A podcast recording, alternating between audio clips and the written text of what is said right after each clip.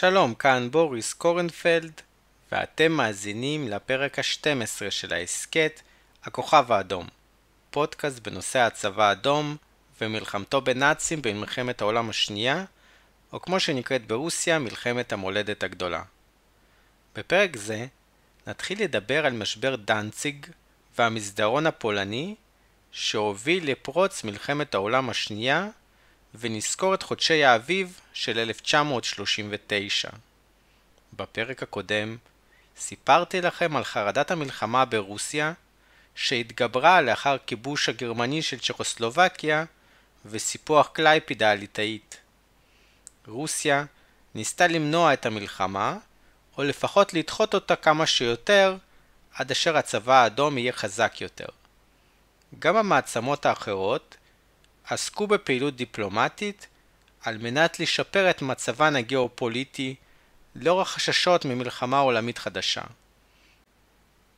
לעומתן, המדינות הקטנות ניסו לתמרן בין המעצמות כדי להישאר מחוץ למלחמה, או אולי אפילו להרוויח מהמלחמה העתידית.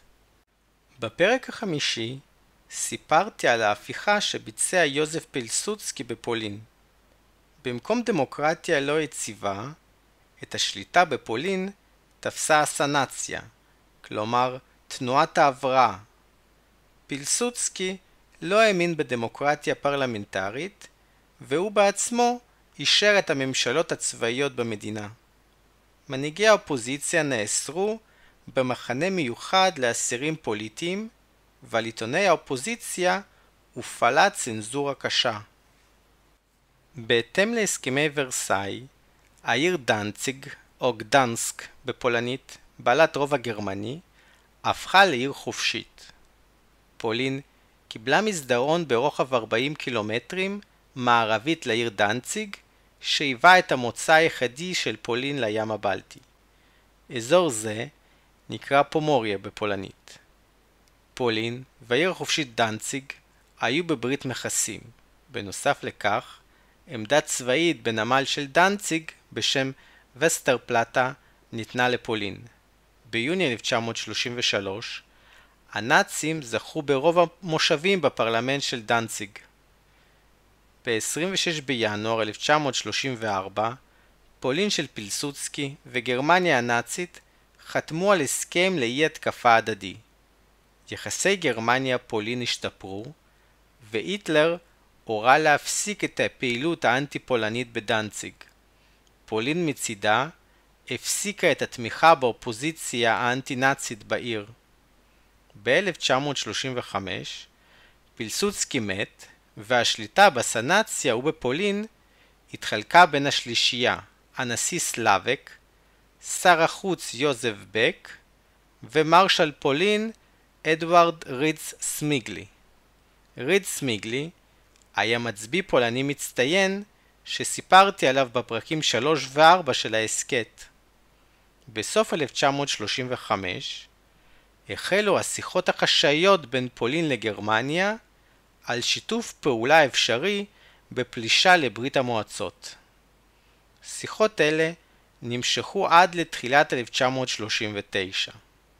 הגרמנים והפולנים לא הגיעו להבנות בשאלה איך לחלק ביניהן את ברית המועצות. הגרמנים הציעו לפולין את הארצות הבלטיות ואת צפון ברית המועצות, מאחר והם היו מעוניינים באזור החקלאי של אוקראינה ובשדות הנפט של הקווקז לעצמם. מנגד, הפולנים, שרק ב-1920 נהדפו מקייב האוקראינית, רצו את אוקראינה לעצמם. בסוף 1938 ובתחילת 1939 היטלר לחץ על פולין להצטרף לברית האנטי-קומינטרן כנגד ברית המועצות, אך פולין לא הייתה מעוניינת בכך.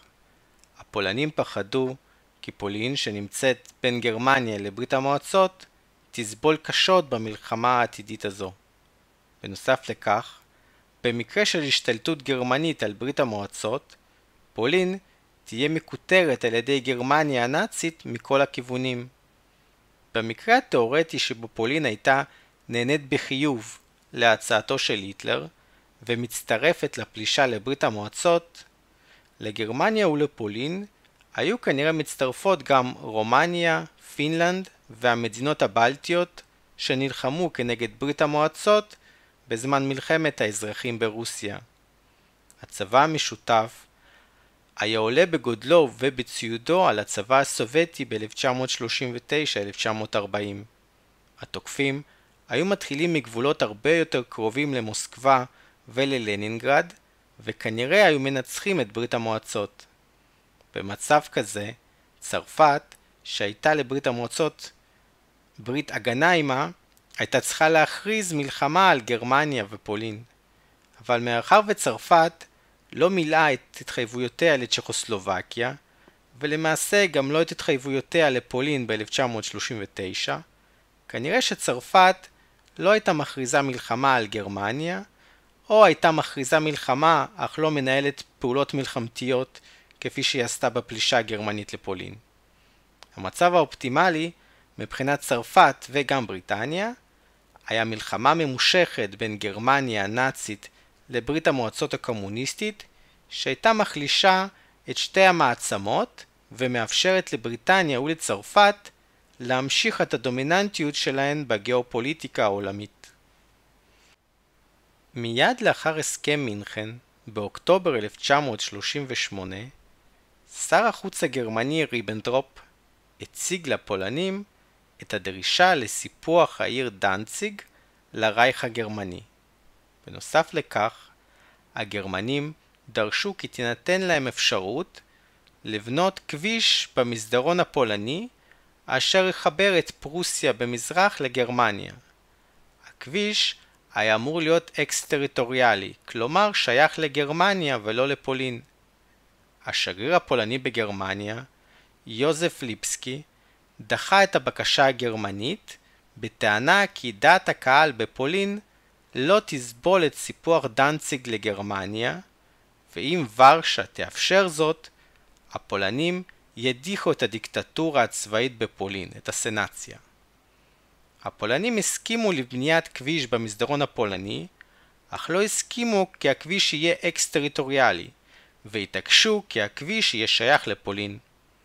בפועל, סיפוח דנציג וכביש אקס-טריטוריאלי במסדרון הפולני היה נותן לגרמניה יכולת לנתק בקלות את פולין מהמוצא לים הבלטי, ויוצר מנוף לחץ שהיה מכניס את פולין לתחום השפעתה של גרמניה הנאצית. אציין כאן כי בלילה שבין ה-12 ל-13 בנובמבר 1938, יומיים לאחר פוגרום ליל הבדולח, הגרמנים תושבי דנציג ערכו גם הם פוגרום ביהודי העיר. ב-1939 שלטונות דנציג הרסו את בית הכנסת היהודי בעיר, ויהודים רבים עזבו את העיר. גם הסובייטים היו מודאגים מהמצב סביב הים הבלטי, ובמרץ 1939 הציעו לחקור מפינלנד ארבע איים כדי להגן על מבואות לנינגרד מכיוון המפרץ הפיני. בעקבות הסכם מינכן ומסע הכיבושים השקט של גרמניה, בברית המועצות התגבר החשש ממלחמה נגד גרמניה. עדיין לא היה גבול משותף בין ברית המועצות לגרמניה, אך הסובייטים חששו כי הגרמנים השתמשו במדינות הגובלות במערב עם ברית המועצות לצורך תקיפת המדינה הסובייטית. ההנהגה הסובייטית העריכה כי גרמניה תשתמש בשטחה של פינלנד כדי לתקוף את לנינגרד, לשעבר בירת רוסיה סן פטרסבורג, שהייתה העיר השנייה בגודלה בברית המועצות ומרכז תעשייתי חשוב. הגבול עם פינלנד עבר רק 30 קילומטרים מלנינגרד, מה שהיה מאפשר לגרמנים להפגיז את העיר משטח פינלנד. הסובייטים זכרו את הגעת הכוחות הגרמנים לפינלנד ב-1918. הגרמנים אז עזרו לפינים הלבנים לנצח את הפינים האדומים במלחמת האזרחים הפינית. ולכן הסובייטים פחדו משחזור אירועי 1918, אך הפעם כנגד ברית המועצות עצמה. לאחר מלחמות הסובייטיות-פיניות מ-1918 עד 1922, עליהן סיפרתי בפרקים 3 ו-4, היחסים בין המדינות היו מתוחים, אך לא עוינים בצורה גלויה. ב-1932 המדינות חתמו על הסכם לאי התקפה הדדי עד 1945. שר החוץ היהודי של ברית המועצות, ליטבינוב, התלונן בשיחתו עם השגריר הפיני כי העיתונות הפינית מנהלת מסע תעמולה לתקיפת ברית המועצות ולקיחת שטחיה. פינים רבים חלמו על פינלנד הגדולה, אשר כוללת את קרליה ואינגריה הרוסיות, כאשר קרלים ואינגרים הם עמים דוברי שפות הדומות לפינית. פינלנד הגדולה הייתה אמורה להיות בערך פי שלוש מפינלנד של היום, ולכלול חלקים מצפון רוסיה, שוודיה ונורבגיה, וכמו כן את אסטוניה, שגם תושביה דוברים שפה הדומה לפינית. ב-1938 את השיחות מול הפינים ניהל איש שירות הריגול ויחסי החוץ הסובייטיים היהודי בוריס ריפקין, או בשמו המקורי בורוך אהרונוביץ' ריפקין. ריפקין נפגש עם סטלין, אשר הטיל עליו את המשימה של הגעה להסכם הגנה עם פינלנד, אשר ימנע מהגרמנים להיכנס לשטחי פינלנד. ריבקין, תחת שם כיסוי בוריס ירצב, מונה לסגן השגריר בפינלנד, ויצא להלסינקי, שם נפגש עם שר החוץ הפיני. ריבקין העביר לפינים את חששו של סטלין כי גרמניה מתכוונת לתקוף את ברית המועצות, ולצורך כך היא מתכוונת לבצע מתקפה מהשטח הפיני. אם פינלנד תאפשר לגרמניה להגיע לשטחה, ברית המועצות לא תחכה על הגבול, אלא בצעד מנע תפלוש לפינלנד. לעומת זאת, אם פינלנד תתנגד לפלישה הגרמנית, ברית המועצות מתכוונת לסייע לפינלנד צבאית וכלכלית, מאחר ופינלנד לא תוכל להדוף את הגרמנים בכוחות עצמה. במשך חמישה חודשים, ריבקין ניהל שיחות עם בכירי פינלנד, ביניהם ראש הממשלה, שר האוצר ועוד. הסובייטים לא הסתפקו בהבטחות הפיניות שלא לאפשר לגרמנים להשתמש בשטחה. הסובייטים דרשו כי הפינים יאפשרו להם להגן על החוף הפיני מהגרמנים, להקים ביצורים באיי אולנד שבין פינלנד לשוודיה, ולהקים בסיסי צי וחיל אוויר באי גוגלנד שבין פינלנד לאסטוניה. באוגוסט 1938 הפינים דחו את ההצעה הסובייטית. ריבקין נכשל במשימה זו. לו היה מצליח, ייתכן כי מלחמת חורב סובייטית-פינית והפלישה הפינית לברית המועצות ב-1941 היו נמנעות. כך, חיי מאות אלפים, ביניהם עשרות אלפי פינים, היו ניצלים. ייתכן ופינלנד לא הייתה מאבדת שטחים רבים שאיבדה בסופו של דבר, ולא הייתה מקבלת את הכתם של להיות גרועה של גרמניה הנאצית ולהשתתף במצור על לנינגרד שהביא למותם ברעב של כמעט מיליון מתושביה. ריפקין ימשיך לבצע תפקידים בשירות החשאי הסובייטי, ביניהם רשת ריגול בשוודיה. ריפקין קיבל תפקיד קולונל והיה מנהל אגף בקג"ב שהיה אחראי על שליחתם של מרגלים וחבלנים למדינות מזרח אירופה הכבושות על ידי הנאצים.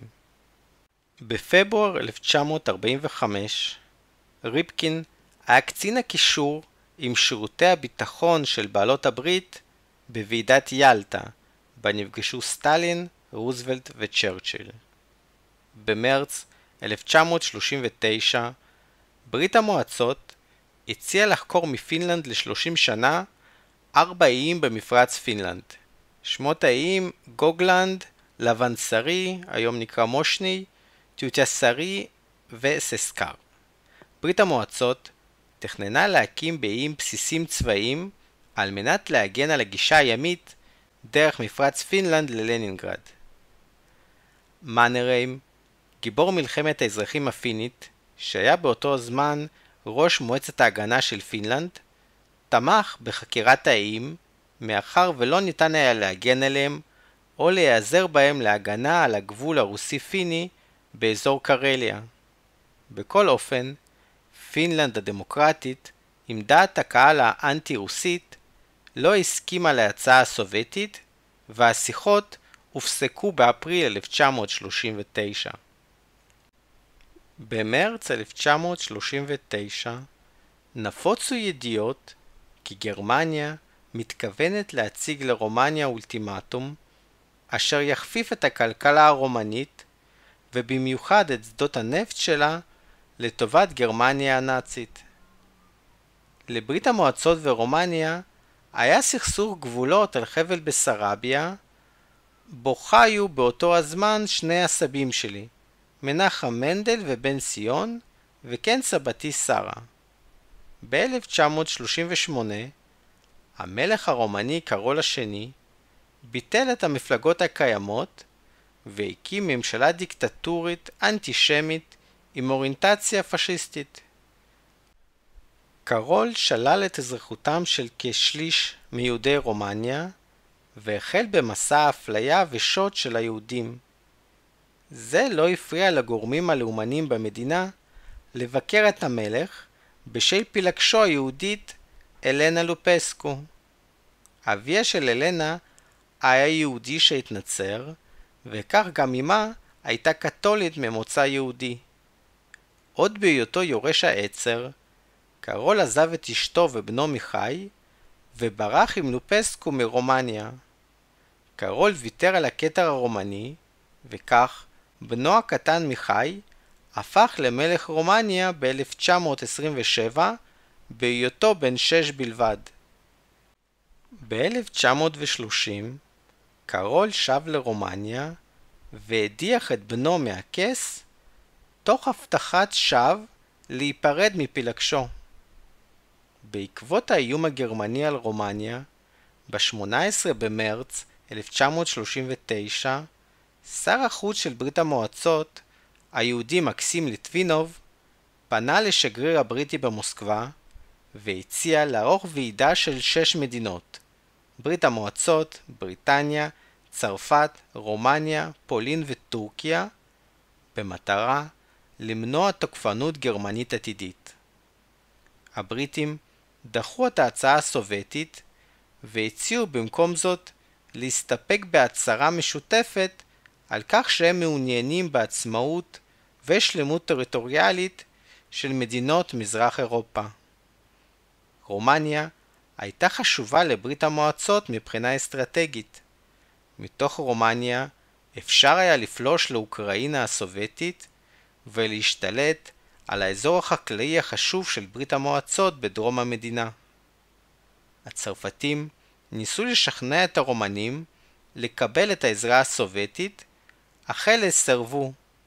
בנוסף לכך, השגריר הסובייטי בצרפת, היהודי יעקב סוריץ, אמר כי ברית המועצות לא מתכוונת להתנגד לגרמניה במזרח אירופה לבדה, ועל צרפת להוביל את ההתנגדות לגרמניה. בסופו של דבר, ב-1939, גרמניה לא הציגה אולטימטום לרומניה, ורומניה תהפוך לגרורה גרמנית רק ב-1940. ב-23 במרץ, לאחר האולטימטום הגרמני, ליטא ויתרה על העיר קלייפידה או ממל שסופחה לרייך הגרמני. בנוסף לכך, ליטא וגרמניה חתמו על הסכם לאי התקפה הדדי. גרמניה אף הציעה לליטא ברית צבאית כנגד פולין והבטיחה לה את חבל וילנה שהיה כבוש על ידי הפולנים, אך ליטא העדיפה לשמור על הניטרליות וסרבה להצעה הגרמנית. למחרת, ב-24 במרץ 1939, שר החוץ הפולני יוזף בק אמר בישיבת הקבינט הפולני כי פולין תצא למלחמה במקרה שגרמניה תנסה לשנות את הסטטוס של העיר דנציג. יוזף בק היה מעוניין ליצור בלוק של אירופה השלישית. עליו הצטרפו שוודיה ופינלנד, ואילו השתלטות גרמניה על דנציג הייתה חונקת את הגישה הפולנית לים ומסכלת הקמת בלוק שכזה. הנמל גדיניה שבמסדרון הפולני עדיין לא היה מפותח כמו הנמל בדנציג. כאמור, ללא מוצא משמעותי לים, פולין הייתה עלולה להפוך לתלויה בגרמניה הנאצית. ב-31 במרץ 1939, ראש ממשלת בריטניה נבל צ'מברלן הודיע כי בריטניה תערוב לעצמאותה של פולין ותצא למלחמה בגרמניה אם זאת ינסה לשים סוף לעצמאותה של פולין. צ'מברלן בכוונה לא ציין כי בריטניה תערוב לגבולותיה של פולין. מבחינתו, האינטרס העליון של בריטניה היה להימנע ממלחמה ולהגיע עם גרמניה להסכם. ב-6 באפריל, בעת ביקורו של שר החוץ הפולני בלונדון, פולין ובריטניה יצאו בהודעה רשמית כי הערבויות הבריטיות לפולין יהפכו לברית צבאית בין המדינות. כפי שסיפרתי בפרק העשירי, בין ה-7 ל-12 באפריל, איטליה השתלטה על ארבניה, ולכן ב-13 באפריל 1939 גם רומניה ויוון קיבלו ערבויות מבריטניה. הבריטים הציעו לסובייטים לתת לפולין ערבויות ביטחוניות חד צדדיות. ב-17 באפריל, שר החוץ הסובייטי הציע במקום זאת חתימה על הסכם לעזרה הדדית, הכולל גם עזרה צבאית, לכל המדינות מהים הבלטי ועד לים השחור שגובלות בברית המועצות במקרה של תוקפנות כלפיהן. צרפת מצידה הציעה להסתפק בהצהרת כוונות לסייע זו לזו ולמדינות מרכז ומזרח אירופה במקרה של תוקפנות גרמנית כלפי אחת מהן. באותו היום, ה-17 באפריל, שר החוץ הסובייטי ליטבינוב הורה לשגריר הסובייטי בברלין להגיש לממשלת גרמניה מכתב מחאה על כך שגרמניה מחבלת במשלוחים של הנשק הצ'כי שהיו אמורים להגיע לברית המועצות לפי ההסכמים שנחתמו לפני ההשתלטות הגרמנית על צ'כוסלובקיה. ברית המועצות וגרמניה ניצלו את התקרית הדיפלומטית כדי להתחיל בגישושים דיפלומטיים ביניהן. בברית המועצות החלו לחשוב על תוכנית גיבוי למקרה שהשיחות הדיפלומטיות עם בריטניה וצרפת לא יצליחו. ראש ממשלת בריטניה, נביל צ'מברלין, לא העריך את הצבא האדום וסבר כי לאור התיאורים בקרב הקצונה הבכירה, הצבא האדום מאוד חלש ואינו שחקן ראוי שאפשר להסתמך עליו במלחמה העתידית.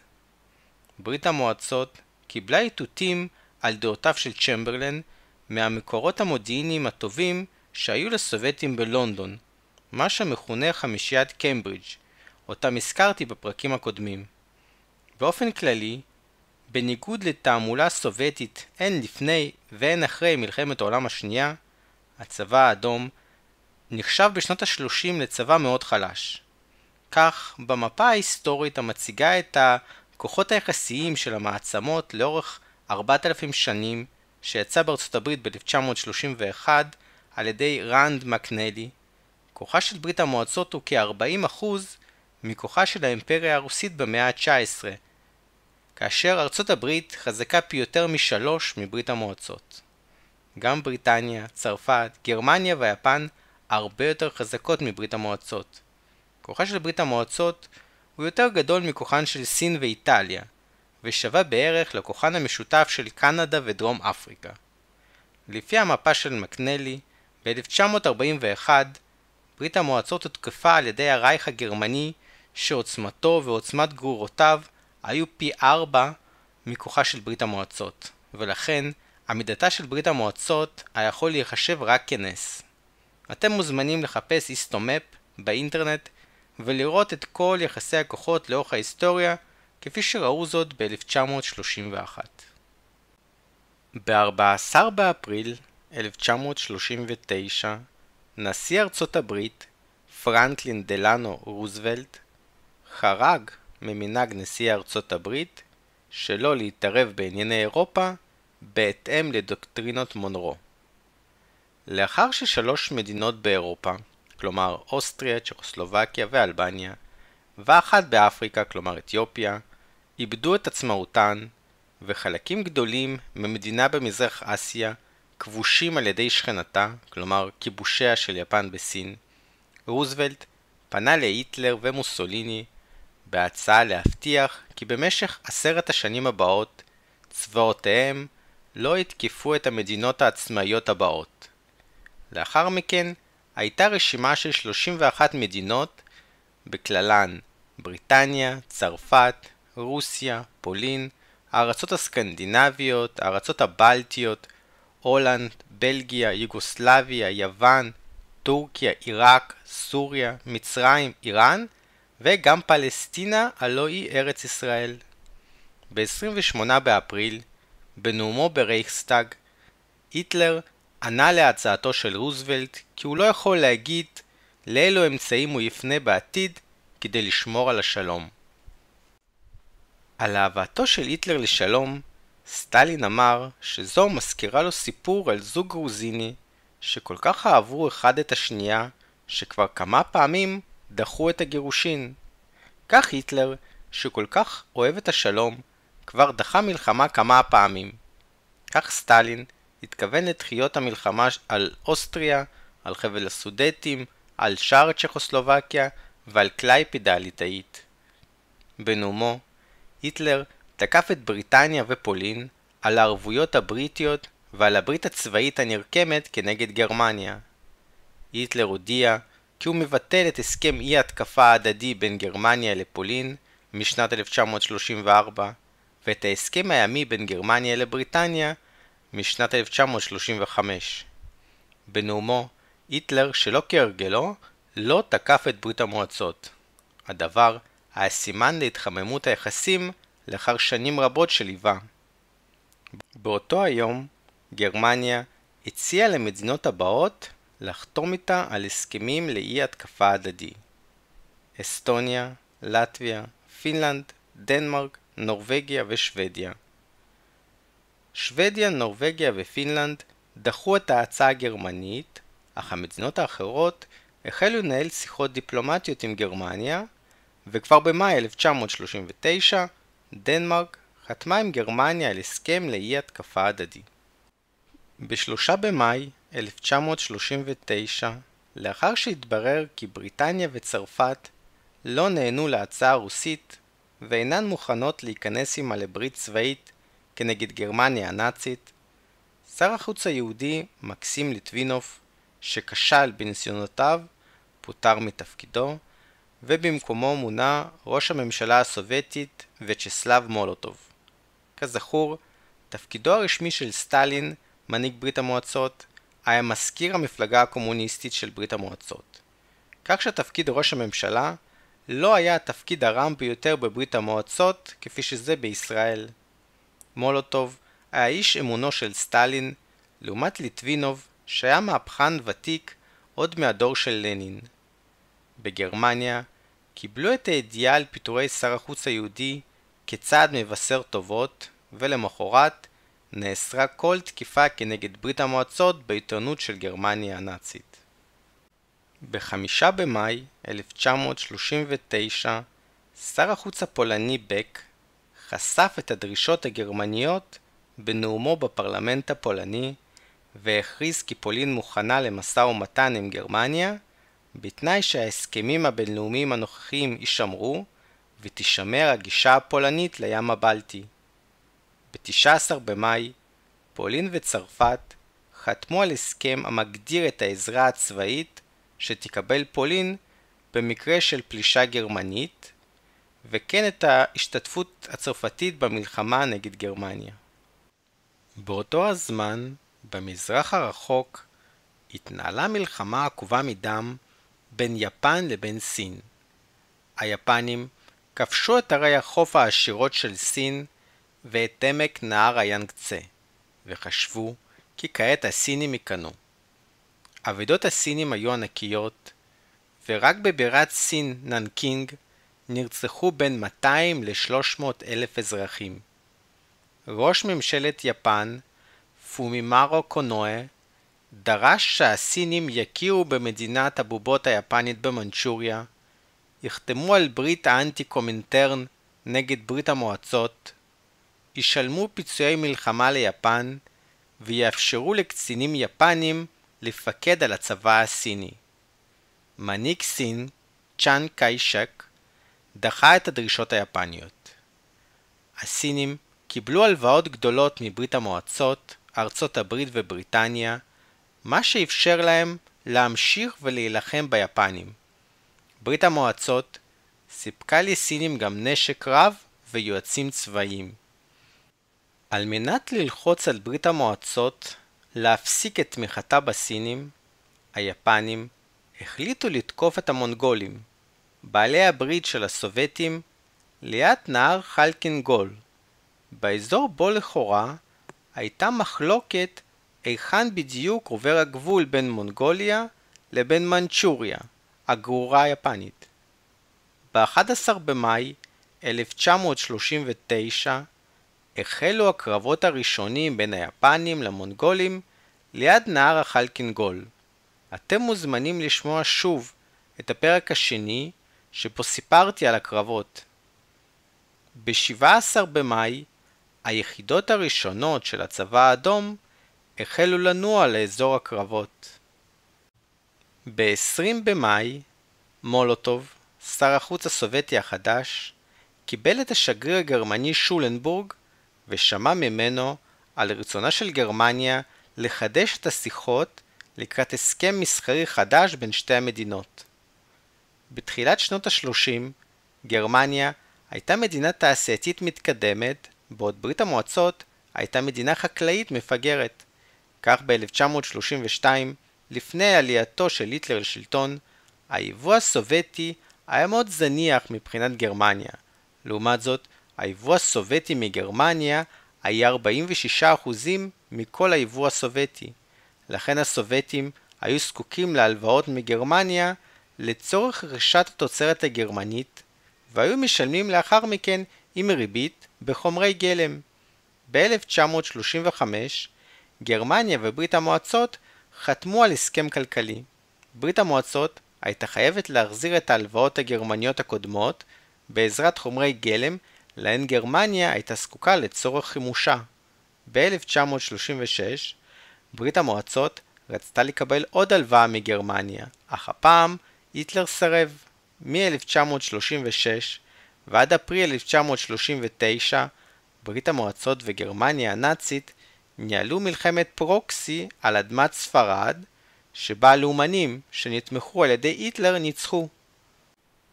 עוד לא עברו חודשיים מאז הניצחון, והיטלר כבר החל בהתקרבות לברית המועצות, כאשר האויבים העיקריים של גרמניה הפכו להיות בריטניה וגרורתה פולין. בסוף מאי, סטלין בעצמו החל להיות מעורב בשיחות בין המדינות. לאור החשש ממלחמה נגד יפן במזרח המדינה, סטלין רצה לוודא שהגבול המערבי של ברית המועצות יישאר שקט. ב-22 במאי 1939 גרמניה ואיטליה חתמו על הסכם ברית הפלדה. המדינות התחייבו לשתף פעולה בזמן מלחמה עתידית כנגד כל מדינה שלישית. גרמניה התכוננה לתקוף את פולין והיא רצתה שבריטניה וברית המועצות לא יפריעו לה במלחמה. מאחר ולגרמניה לא היה צי ימי חזק, גרמניה חיפשה בעלי ברית עם ציים חזקים כמו איטליה ויפן. לאחר יציאת הברית עם איטליה, הגרמנים החלו במאמצים לצרף לברית גם את יפן, חברה בברית האנטי קומינטרן. האיום מהצי האיטלקי בים התיכון ומהצי היפני במזרח היה אמור למנוע מבריטניה לבצע מצור ימי יעיל על גרמניה במקרה של פלישה לפולין. באותו היום ה-22 במאי, כוחות הצבא האדום הצטרפו למונגולים וניהלו קרב ראשון נגד היפנים באזור נהר חלקינגול. הקרבות נמשכו עד ל-29 במאי. ב-27 במאי, צ'מברלן, שחשש כי גרמניה תגרום לברית המועצות להיות ניטרלית במלחמה העתידית, שלח לשגריר הבריטי במוסקבה הוראה להתחיל בשיחות על הקמת הברית על בסיס ההצעה הסובייטית של ליטבינוב מה-17 באפריל. לאכזבת הסובייטים, הבריטים והצרפתים לא שלחו למוסקבה את שרי החוץ שלהם, אלא דיפלומטים בדרג נמוך יותר. כזכור מפרקים קודמים, לצורך חתימה על הסכם עם גרמניה הנאצית לחלוקת צ'כוסלובקיה, צ'מברלן בעצמו טס למינכן. מהצד הסובייטי לעומת זאת, את השיחות ניהל ראש הממשלה ושר החוץ וצ'סלב מולוטוב. עד השניים ביוני, ברית המועצות, בריטניה וצרפת הגיעו להסכמה עקרונית להפעיל את הברית הצבאית ביניהן במקרה שאחת מהמדינות תותקף על ידי מדינה אירופאית, כלומר גרמניה, או במקרה שגרמניה תתקוף את בלגיה, יוון, טורקיה, רומניה, פולין, לטביה, אסטוניה ופינלנד. המדינות הבלטיות היו מודאגות מהשיחות בין בריטניה, צרפת וברית המועצות. הן פחדו, ובצדק, כי הצבא האדום שייכנס לשטחן יקים במדינות משטר קומוניסטי ויסרב לעזוב את שטחן. המדינות הבלטיות גם לא סמכו על בריטניה וצרפת לאחר הסכם מינכן, שבו המעצמות לא הגנו על צ'כוסלובקיה. אפשר להבין את הפחד מברית המועצות ממכתבו של שגריר לטביה באסטוניה מינואר 1939. השגריר ציין כי באסטוניה רואים ברוסיה את אויב מספר 1 ובגרמניה את אויב מספר 2, כאשר בלטביה הסדר הוא הפוך. הדבר נובע מהקרבה הגיאוגרפית של שתי המדינות למעצמות השונות. שר החוץ האסטוני ציין כי במקרה של מלחמה בין רוסיה לגרמניה, אסטוניה תיכבש על ידי רוסיה, ואילו ליטא ולטביה על ידי גרמניה. השר האסטוני סבר כי מצבם של הלטבים טוב יותר כי אין לצפות מהגרמנים לברבריות כמו אצל הרוסים. מספיק שהרוסים ישבו, יהרגו או יגרשו עשרת אלפים אינטליגנטים אסטונים, ותוך זמן קצר כל העם האסטוני ייעלם. מיותר לציין כי הכיבוש הרוסי לא חיסל את העם האסטוני. בין מפקד האוכלוסייה של 1959 לבין זה של 1989, מספר האסטונים באסטוניה גדל ב-70 אלף. באופן כללי, מספר האסטונים באסטוניה לא השתנה בהרבה במאה ה-20 השנים האחרונות, והוא נע בין 870 אלף בסוף המאה ה-19 לבין מיליון ב-1939. סך כל האסטונים בברית המועצות ב-1989 היה מיליון ו-26 אלף. במכתב אחר, אותו שגריר לטביה באסטוניה ציין כי לעומת הנהגת אסטוניה, שכזכור הייתה דיקטטורית, העם האסטוני לא ראה ברוסים את האיום העיקרי, אלא דווקא בגרמנים. לדעתו, העם האסטוני יעדיף להילחם כנגד הגרמנים כפי שהם עשו בקרב צזיס ב-1919. ב-22 במאי, בלטביה, נערכו חגיגות 20 שנים לשחרור הבירה ריגה מהבולשביקים. במוסקבה פירשו את החגיגות כאיתות לכוונותיה של לטביה לפעול כנגד ברית המועצות. אני ממליץ לכם לשמוע את הפרקים 3 ו-4 על יצירת גבולות המדינות הבלטיות, שבו גם סיפרתי על ניצחונות צבאות אסטוניה ולטביה על הגרמנים ועל הרוסים. לטביה ואסטוניה הודיעו כי הן לא מעוניינות בערבויות שהן לא ביקשו, ומיהרו לחתום על הסכמי אי התקפה עם גרמניה הנאצית. ב-7 ביוני גרמניה חתמה על הסכם לאי התקפה עם אסטוניה ועל הסכם לאי התקפה עם לטביה. הסכמים אלה נוספו להסכם אי התקפה עם ליטא שנחתם במרץ לאחר שגרמניה קיבלה את ממל אי קלייפידה הליטאית. בשיחות סודיות לטביה ואסטוניה התחייבו למנוע מעבר כוחות של הצבא האדום בשטחן ולפעול כנגד ברית המועצות בהסכמה גרמנית. המדינות הבלטיות היו אמורות להוות כוח כנגד התערבות אפשרית של ברית המועצות במלחמה הפולנית-גרמנית הצפויה. אחת הנקודות העיקריות לאי הסכמה בין ברית המועצות לבין בריטניה וצרפת הייתה בהגדרה של תוקפנות.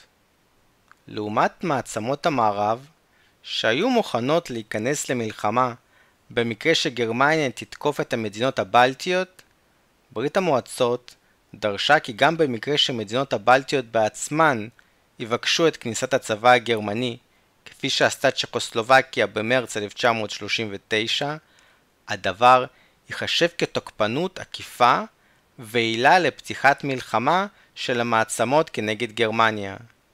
בריטניה פחדה שההגדרה הסובייטית תהווה עילה לברית המועצות להשתלט על המדינות הבלטיות, או ידחוף אותן להצטרף לגרמניה הנאצית. למרות חוסר רצונן של המדינות הבלטיות לקבל ערבויות ביטחוניות מברית המועצות, בריטניה וצרפת, המעצמות המשיכו לנהל ביניהן שיחות חשאיות על עתידן של המדינות הבלטיות. המעצמות החליטו כי במקרה של הסכמה, הסיכומים ייכתבו בנספח סודי. בוודאי שאסור היה לאפשר לגרמניה להשתלט על הארצות האלה במקרה של מלחמה. לו המעצמות היו מגיעות להסכמה בקשר למדינות הבלטיות, במקרה שהיה עולה החשש כי גרמניה תשתלט על המדינות, המעצמות היו כובשות אותן לפני כן. אם זה נראה לכם מוזר שברית המועצות, בריטניה וצרפת יתכננו יחדיו בסודיות פלישה למדינות אחרות, הרי אתם לא מבינים בגיאופוליטיקה. אמנם כאן המעצמות לא הגיעו להסכמות, אך ב-1941 סטלין וצ'רצ'יל יתכננו בסודיות פלישה משותפת למדינה ניטרלית שעלה החשש כי היא יכולה לחבור לגרמניה. אני מדבר כמובן על הפלישה לאיראן בקיץ 1941. ברית, ברית המועצות ובריטניה יפלשו לאיראן במפתיע ללא הכרזת מלחמה ויחלקו אותה ביניהן בהתאם לסיכומים הסודיים. גם פינלנד לא הייתה מעוניינת בערבויות סובייטיות כנגד גרמניה. כבר ב-1938 משלחת גרמנית צבאית הגיעה לפינלנד להשתתף בחגיגות ה-20 שנים לניצחון הלבנים הפינים על הפינים האדומים בעזרתם של הגרמנים. בזמן הדיונים הסובייטיים בריטים צרפתיים, ראש מטה כוחות היבשה הגרמני פרנץ אלדר הגיע לפינלנד, לעיר ויבורג, שהייתה מאוד קרובה לגבול הסובייטי, והשתתף בתרגיל של חיל התותחנים המקומי. ויבורג, שנמצאת כ-120 קילומטרים מסנקט פטרסבורג, היא חלק מרוסיה של היום. סנט פטרסבורג או לנינגרד של אז, היא כאמור העיר השנייה בגודלה בברית המועצות, ושיתוף פעולה גרמני-פיני קרוב כל כך לגבול הסובייטי וללנינגרד, הייתה התגרות מבחינתם של הרוסים. אנחנו מסיימים כאן את הפרק, ובפרק הבא נמשיך לספר על המשכו של המשבר עד לפרוץ מלחמת העולם השנייה. אם אתם אוהבים את הפודקאסט, אתם מוזמנים לחפש את הכוכב האדום בפייסבוק ולעשות לו לייק. אתם מוזמנים לדרג את הפודקאסט באפליקציית הפודקאסטים שלכם, או להפוך למנויים בערוץ היוטיוב של הפודקאסט. בסרטוני היוטיוב, המלל גם מלווה במפות ובתמונות. להתראות בפרק הבא.